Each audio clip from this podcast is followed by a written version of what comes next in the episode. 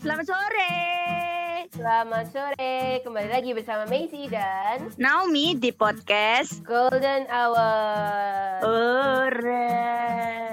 Nah, aduh, Apa? kayaknya Apa? capek banget Apa kamu habis ngapain? habis habis makan somai. Ah, em, Eh, berapa ya tadi? Banyak pokoknya. Aku tuh lagi bad mood soalnya. Stres banget. Kamu kamu lelah melihat siomay itu atau gimana? Enggak, aku lelah melihat hidup, makanya aku mencari somai sebagai pelarian. Obatku stres. Gitu. Ya, tapi kan siomay tidak bisa mengatasi itu semua, Nom. Loh. Hmm. Gak sih? Kamu kenapa larinya ke siomay? Tidak bisa, tapi setidaknya membuat eh ini sih bisa menyembuhkan ini mood sedikit mood supaya nggak stres-stres banget. Menolong ya. Mm-mm. Ya, tidak mengobati lah ya. Eh, tapi ngomong-ngomong mengobati, ngomong-ngomong pelarian, emang kamu nggak mau nyoba dulu gitu? Em, tanya ke ahlinya deh. Hmm, gitu. Ahli apa ini? Aku nggak tahu nih. Aku pura-pura nggak tahu ahli apa ya. Kamu nggak usah pura-pura inosen. Kayaknya ada teman kita nih yang mau sharing-sharing tentang pengalamannya saat mengatasi stres ya, dealing with stress. Bener nggak sih? Hadir, aku aku nggak mau mengiyakan kan tidak tahu. Jadi kita harus mendengar ceritanya dia dulu. Oh, gitu ya. Ya dong. Iya, ini ada sharing biar kita kasih tempat dia untuk sharing ya. Coba coba kita kita sama. capek aku kapan aku dikenalkan diri tak kenalkan diri sendiri ya lu Ya silakan silakan silakan. halo semuanya para pendengar kenalin nama aku Yemima Citra Grasela biasa dipanggil Sela atau kalian juga bisa panggil aku Grace jadi aku diminta tolong di sini sebagai narasumber untuk uh, health mental so, kebalik mental health issue Saking groginya sampai kualik itu loh. Saking groginya tuh sampai terbalik semua. aduh aku deg-degan gimana aduh aduh Santai aduh. santai. Di sini adalah tempat di mana kamu nyantai. Gimana? Gimana? Ini ini ini kan eh, katanya Naomi si Naomi ini punya teman yang udah cek ke dokter, tanya-tanya ke dokter. Bener nggak sih? Iya, aku sampai ke psikiater. Memang yang terjadi sama kamu tuh sebenarnya kenapa sih atau gimana sih? Kenapa kok kamu harus sampai ke psikiater? Apa karena ada beban pikiran, stres atau kayak apa? Coba diceritain. Um, eh, gimana ya? Jadi gini, stres itu beda-beda. Bukan anak psikolog loh ini, aku Oke. menakutkan. Kakak papa. To- tolong benerin aja lah buat pendengar-pendengar dan yang tahu. Jadi setelah aku baca-baca beberapa artikel, eh jadi aku ini salah satu eh penderita dan sedang berjuang sembuh dari mental illness. Mental illness itu apa? Mental illness merupakan salah satu gangguan kejiwaan. eh di mana itu gangguan kejiwaannya macam ada eating disorder, ada bipolar disorder, ada em, kayak depresi dan macam-macam gitu. Jadi eh, aku mau ngasih tahu sebelumnya, sebelum lebih lanjut ke pokok pembahasan, kalau misalkan eh, penderita ini itu tidak bisa untuk self judgment dan dilarang sekali untuk self judgment gitu. Ini bukan suatu penyakit yang main-main karena berhubungan sama mental dan itu sangat besar dampaknya dari lingkungan sekitar, lingkungan terdekat ataupun terjauh ke diri kita sendiri gitu. Dan ini bukan penyakit yang main-main karena banyak sekali korban jiwanya untuk penyakit mental ini gitu. Untuk dibilang stres juga bukan. Kalau stres itu orang bisa melepaskannya gitu kayak eh, rekreasi atau sekedar makan dulu atau gimana gitu. Tapi bukan makan yang berlebihan ya, makan dalam dalam dalam artian dengan porsi yang masih terbilang wajar gitu, walaupun banyak gitu. Eh, karena itu kan mirip-mirip sama eating disorder. Eating disorder tuh di mana penderitanya akan sering uh, makan terus untuk menghilangkan rasa uh, stresnya, rasa depresinya, apa yang dia rasakan seperti itu. Untuk ya istilahnya seperti untuk otak menyuplai dopamin. Dopamin itu apa? Dopamin itu salah satu sel dalam otak kita yang memproduksi rasa bahagia gitu. Nah, eating disorder ini uh, dia tuh kayak ya iya makan terus gitu supaya dia tuh bisa merasa feel better. Jadi pelariannya tuh ke makan dengan porsi yang berbeda gitu. Porsinya udah nggak wajar banget sih gitu. Dan itu perlu banget untuk dikonsultasikan atau diobati ke psikolog. Hmm. Seperti itu. Kayaknya Naomi nggak masuk kok dalam eating disorder. Makannya masih normal kok. Makan somainya masih normal. normal. Walaupun berat naik masih normal ya Bu ya. Nafsu makannya aja yang meningkat ya. Aduh iya ya lanjut lanjut. iya jadi bisa nggak tergolong stres sih ini. Ini bukan stres, ini di atas levelnya stres. Jadi stres itu bisa diatasi sama aktivitas yang lain gitu ya nggak harus yang perlu pengobatan atau harus um, diatasi dengan cara yang sama kayak depresi seperti itu ya kira-kira. Nah, seperti aku bilang di awal kita nggak boleh self judgment karena zaman sekarang itu kan lagi maraknya banget ya campaign untuk uh, apa namanya untuk mental health ini lagi campaign besar-besaran juga karena Indonesia aku lihat pergerakannya dia mulai sadar akan pentingnya kesehatan mental seseorang. Jadi banyak banget yang aku lihat di akun-akun itu Instagram itu kayak dia sangat menyuarakan untuk uh, mental health campaign gitu di mana semua orang itu harus happy harus sejahtera harus bahagia. Baik secara jasmani maupun rohani gitu. Dan itu uh, kita untuk menjudge diri kita pengidap salah satu mental illness itu nggak boleh self judgment itu kita harus konsultasi ke psikolog maupun ke psikiater. Ngomong-ngomong nih Sel, mau tanya dikit. Iya, apa tuh? Um, ketika kamu merasa ada sesuatu yang nggak beres di kamu, maksudnya mungkin ini stres, mungkin kadang nggak tahu sih gimana. Apakah ketika kamu stres itu kamu merasa ini kayaknya lebih deh atau uh, gimana sih cara kamu mendeteksi kayaknya aku harus ke psikiater atau psikolog deh buat memastikan apakah aku baik-baik aja atau enggak gitu? Sebenarnya itu beda-beda ya. Beda-beda karena tiap orang mengalami juga beda-beda. Tiap masing-masing manusia itu beda-beda. Ada beberapa temenku yang curhat dia karena langsung ada yang ekstrim nih langsung self harm kayak cutting-cutting tangannya atau suka melihat yang uh, sesuatu yang sadis-sadis seperti pembunuhan atau bagaimanapun itu yang menurut dia tuh dia sadar tuh nggak baik makanya dia periksa. Atau kalau kasus aku karena kebetulan banget nih mamaku seorang psikolog jadi mama sempat merasa aku sebenarnya deket sama mama sih nah mama tuh merasa kayak ada nggak beres sama aku gitu jadi mama kayak kamu coba deh periksa ke psikiater tapi pada awalnya mama menyarankan ke psikolog dahulu karena cara psikolog dan psikiater menyembuhkan membantu pasien menyembuhkan dirinya itu berbeda.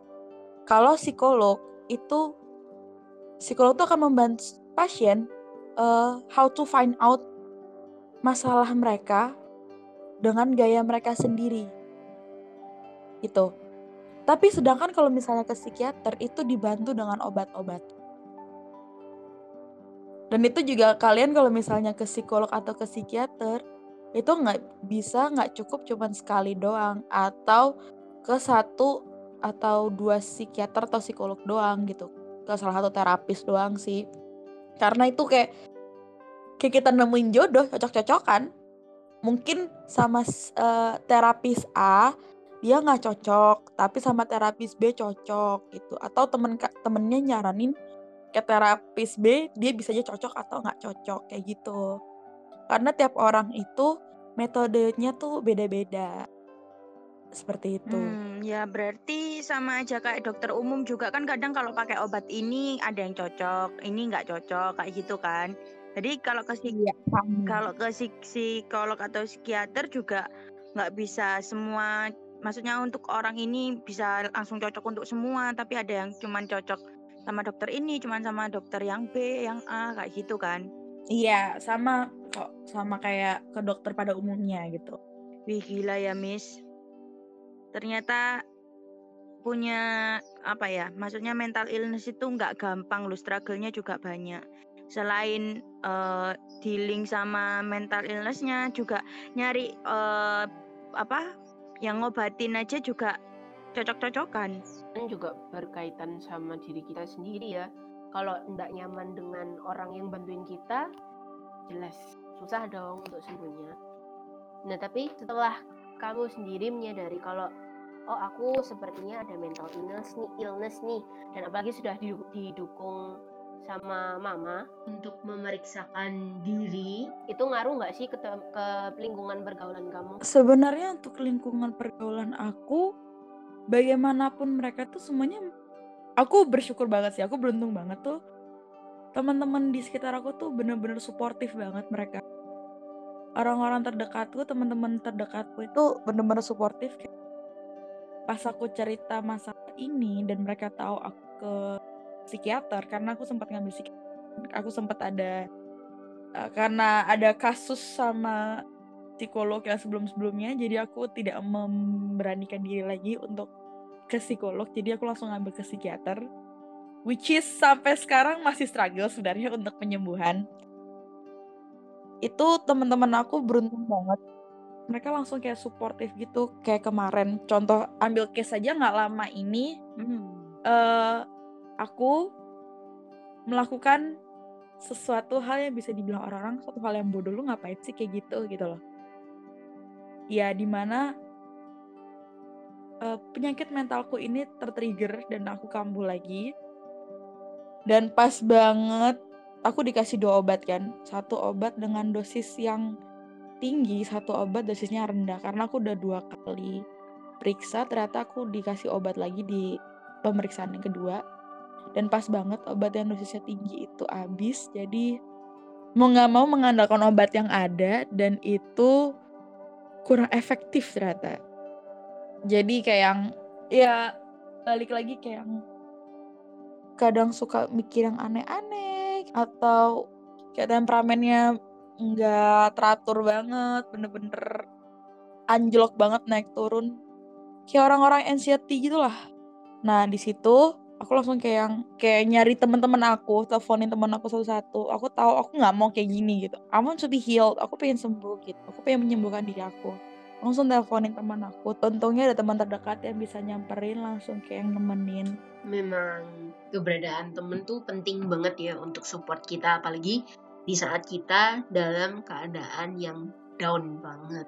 Hmm, dosisnya itu eh, kan kamu bilang obatnya itu sampai dikasih dosis yang cukup tinggi. Nah, itu efeknya itu kira-kira kayak apa sih setelah mengonsumsi obat? Apalagi yang efeknya tinggi, apakah ada efek yang benar-benar apa ya?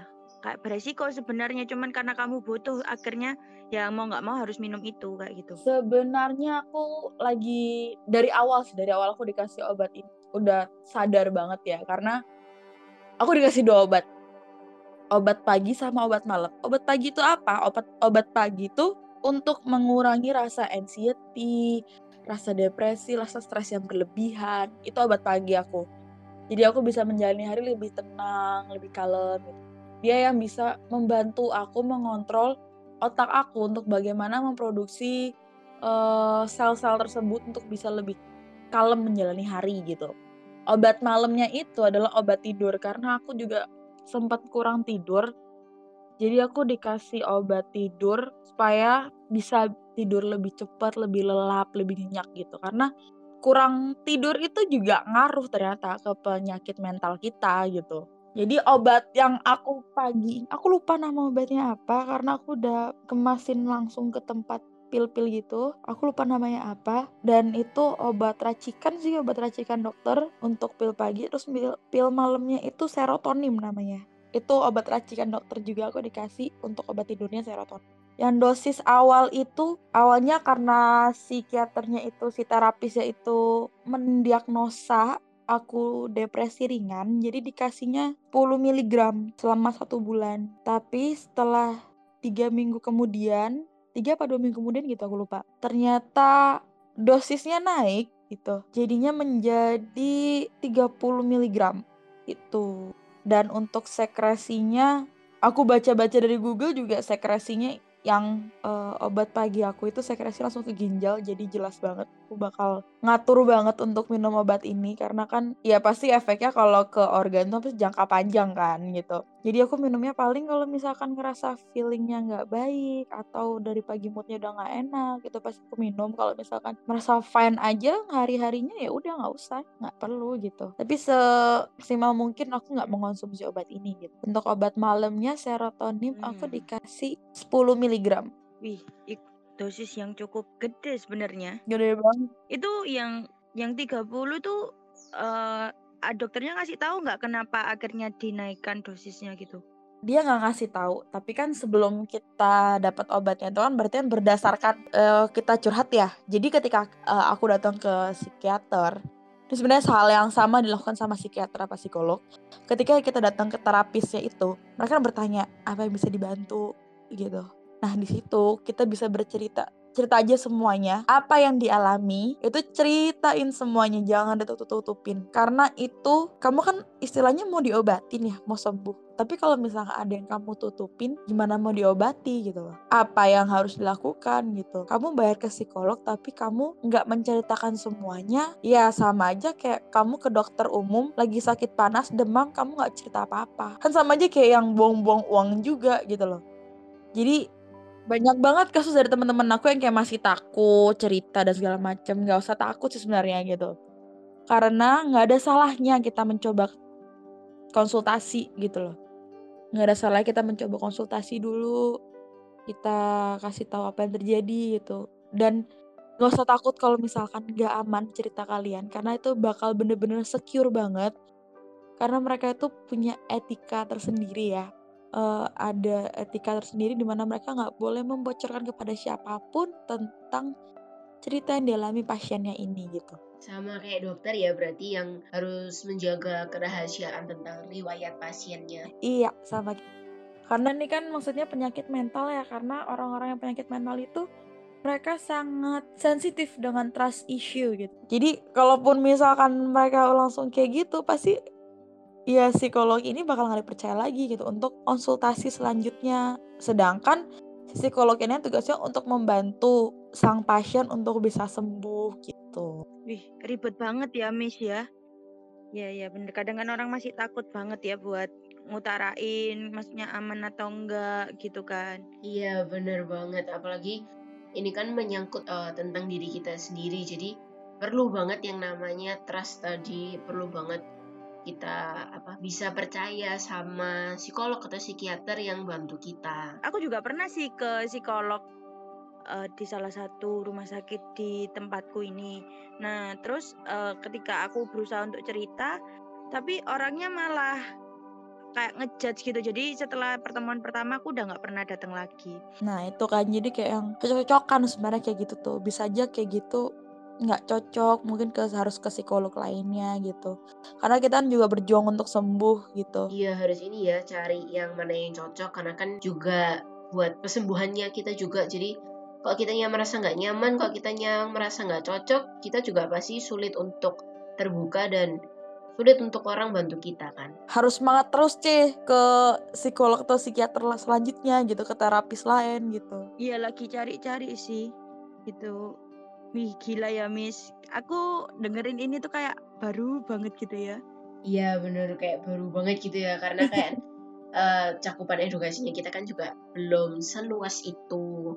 Dan apalagi untuk yang awam kayak aku juga rasanya wah ini emang keren sih untuk harus kita mengerti diri kita sendiri. Iya bener bener bener. Jadi ya ya kadang tuh anak-anak sekarang itu gampang banget sih buat ngejudge ngejudge uh, apa namanya eh aku mental illness kayak gitu gampang banget rasanya tapi kadang mereka tuh kayak menurutku sih kayak self judgment gitu Kalau menurutmu gimana? Iya. Apalagi sekarang nggak ngeliat di sosial illness tuh jadi tren nggak sih? Nah, itu dia yang salah. Jadi di kalangan sekarang itu orang-orang kayak yang lihat, oh mental apa mental illness itu sesuatu yang dikasihani. Mereka dapat perlakuan treatment yang spesial di umum gitu. Jadi pengen uh, self judgment dan segala macam. Kamu tuh harus kayak menghargai aku atau menghormati segala macam. Padahal itu nggak gitu gitu. Padahal kita sendiri yang lagi survive, lagi berjuang untuk sembuh itu kayak, oh my god, how could easy for you to say that sedang lagi mengalami itu kayak susah banget. Mana suka kambuh-kambuhan gitu. Belum lagi kalau obat habis, terus masa Iya. corona pandemi gini, orang mau ke rumah sakit juga takut gitu kan. Kayak enak banget lu menjudge diri lu sendiri gitu. Itulah tren anak muda yang aneh ya. Makanya itu sebenarnya aku di Instagram aku juga sering banget persuade people kayak ngajak dan kasih warning juga dan kasih edukasi ke orang-orang kalau sebenarnya tuh mental illness itu bukan penyakit yang main-main dan kita harus lebih aware gitu sebenarnya. Dan jangan kayak ABG-ABG labil yang ikut-ikutan zaman gitu. Nggak kayak tren behel-behel KW-KW bisa dipakai copot gitu. Ini bukan kayak gitu gitu. Ya aku kemarin kepikiran mau pakai behel yang itu loh, tapi akhirnya aku pasang behel yang beneran. Untung masih behel. Belum Nah lo daripada self judgment ala-ala tiba-tiba beneran pusing kan. Enggak ya makanya itu. Tapi ngomong-ngomong apa namanya? eh, aku penasaran sih sama kayak pengobatannya untuk biaya konsultasinya, untuk obatnya itu tuh bisa terbilang terjangkau atau mahal. Karena kan untuk kita yang awam kan sebenarnya juga terkendala antara eh, trust issue tadi atau terkendala biaya kayak gitu. Jadi mungkin kalau mau kira-kira aja deh. Gini, jadi aku ceritain dari awal aku konsultasi aja ya, gimana aku cari dokter ya. Jadi dari awal aku cari dokter, aku lihat aplikasi.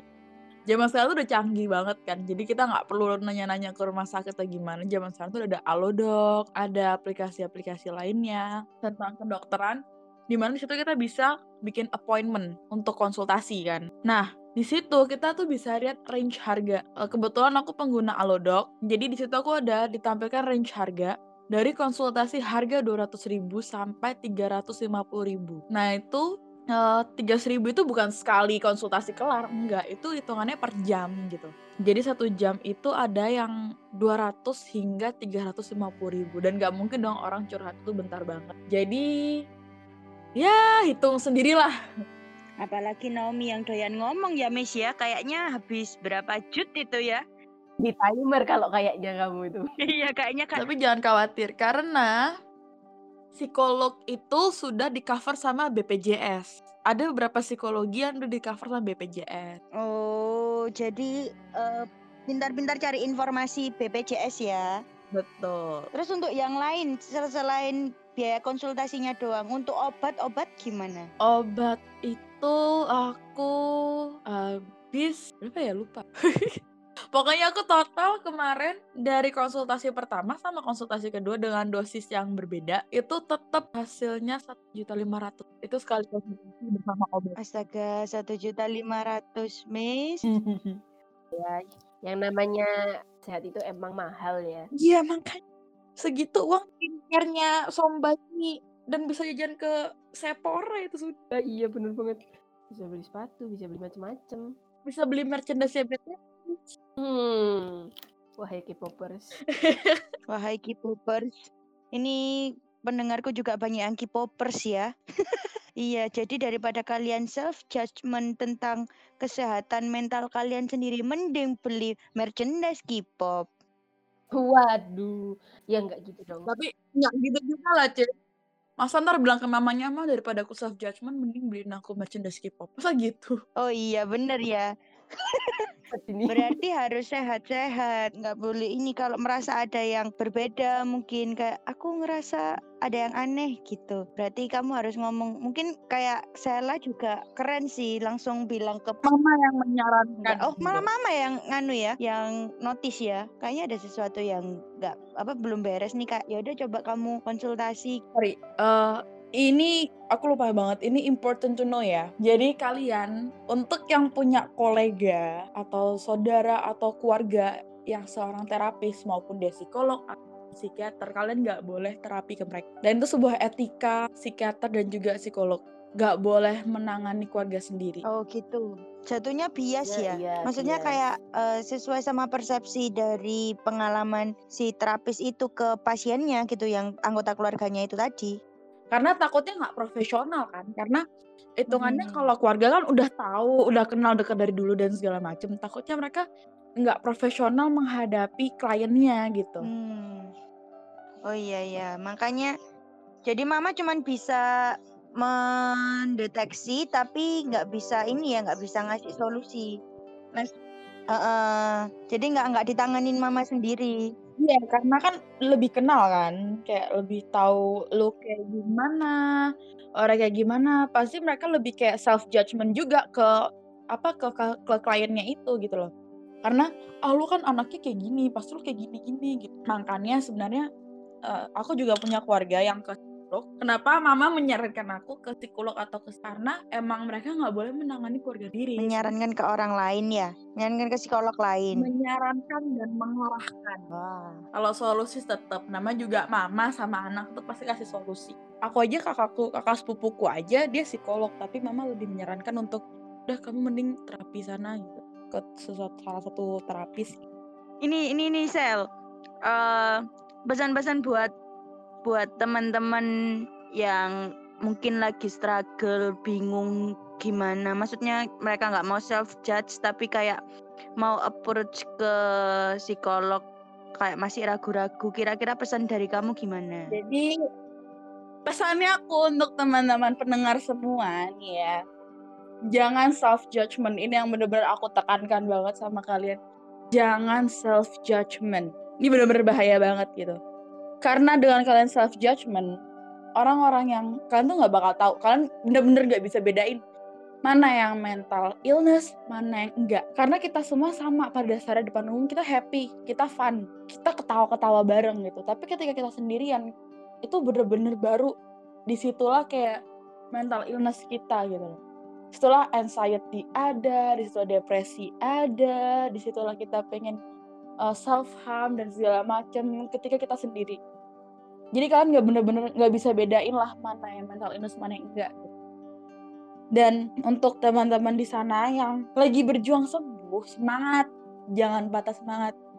Kalau misalkan kalian nggak cocok ke salah satu terapis, kalian bisa coba ke terapis lainnya kok. Kita sama-sama berjuang sembuh. Aku tahu ini struggle banget buat kita semua untuk sembuh dari penyakit ini, tapi aku percaya kita semua pasti bisa gitu. Dan untuk teman-teman yang ya puji syukur kalian sehat-sehat semua, tidak mengalami uh, mental illness dan berbagai isu lainnya, tolong menjadi orang baik. Kalau kalian nggak punya sesuatu yang baik untuk dibicarakan, mending diem aja, keep it for yourself. Udah disimpan aja buat diri kalian. Jangan sampai perkataan kalian, omongan kalian menyakiti orang lain. Karena seperti yang aku bilang di awal, kalian nggak bisa membedakan mana orang yang mental illness, mana yang enggak. Dan juga um, positive vibes and love also. Jadi buatlah hari-harimu dengan orang lain, orang di sekitarmu, walaupun kamu nggak suka sama orang itu, buatlah uh, menjadi positive vibes, hal yang bagus. Kalau bisa uh, lontarkan terus kata-kata yang positif, kata-kata yang baik gitu. Karena dengan seperti itu kalian juga bisa membantu orang-orang yang memiliki mental illness uh, lebih cepat untuk recovery seperti itu. Mantap. Kembali lagi jangan self judgment ya teman-teman dan juga selalu spread positive vibes, sebarkan kata-kata baik. Jangan sampai kata-kata kamu itu menyakiti orang-orang yang ada di sekitar kamu. Sudah di penghujung acara. Terima kasih Mbak Athena. Eh, siapa tadi namanya? Yemima, Chris. Pevita, panggil Pevita. Athena aja lah. Athena aja. Sama kayak Instagramku Atera.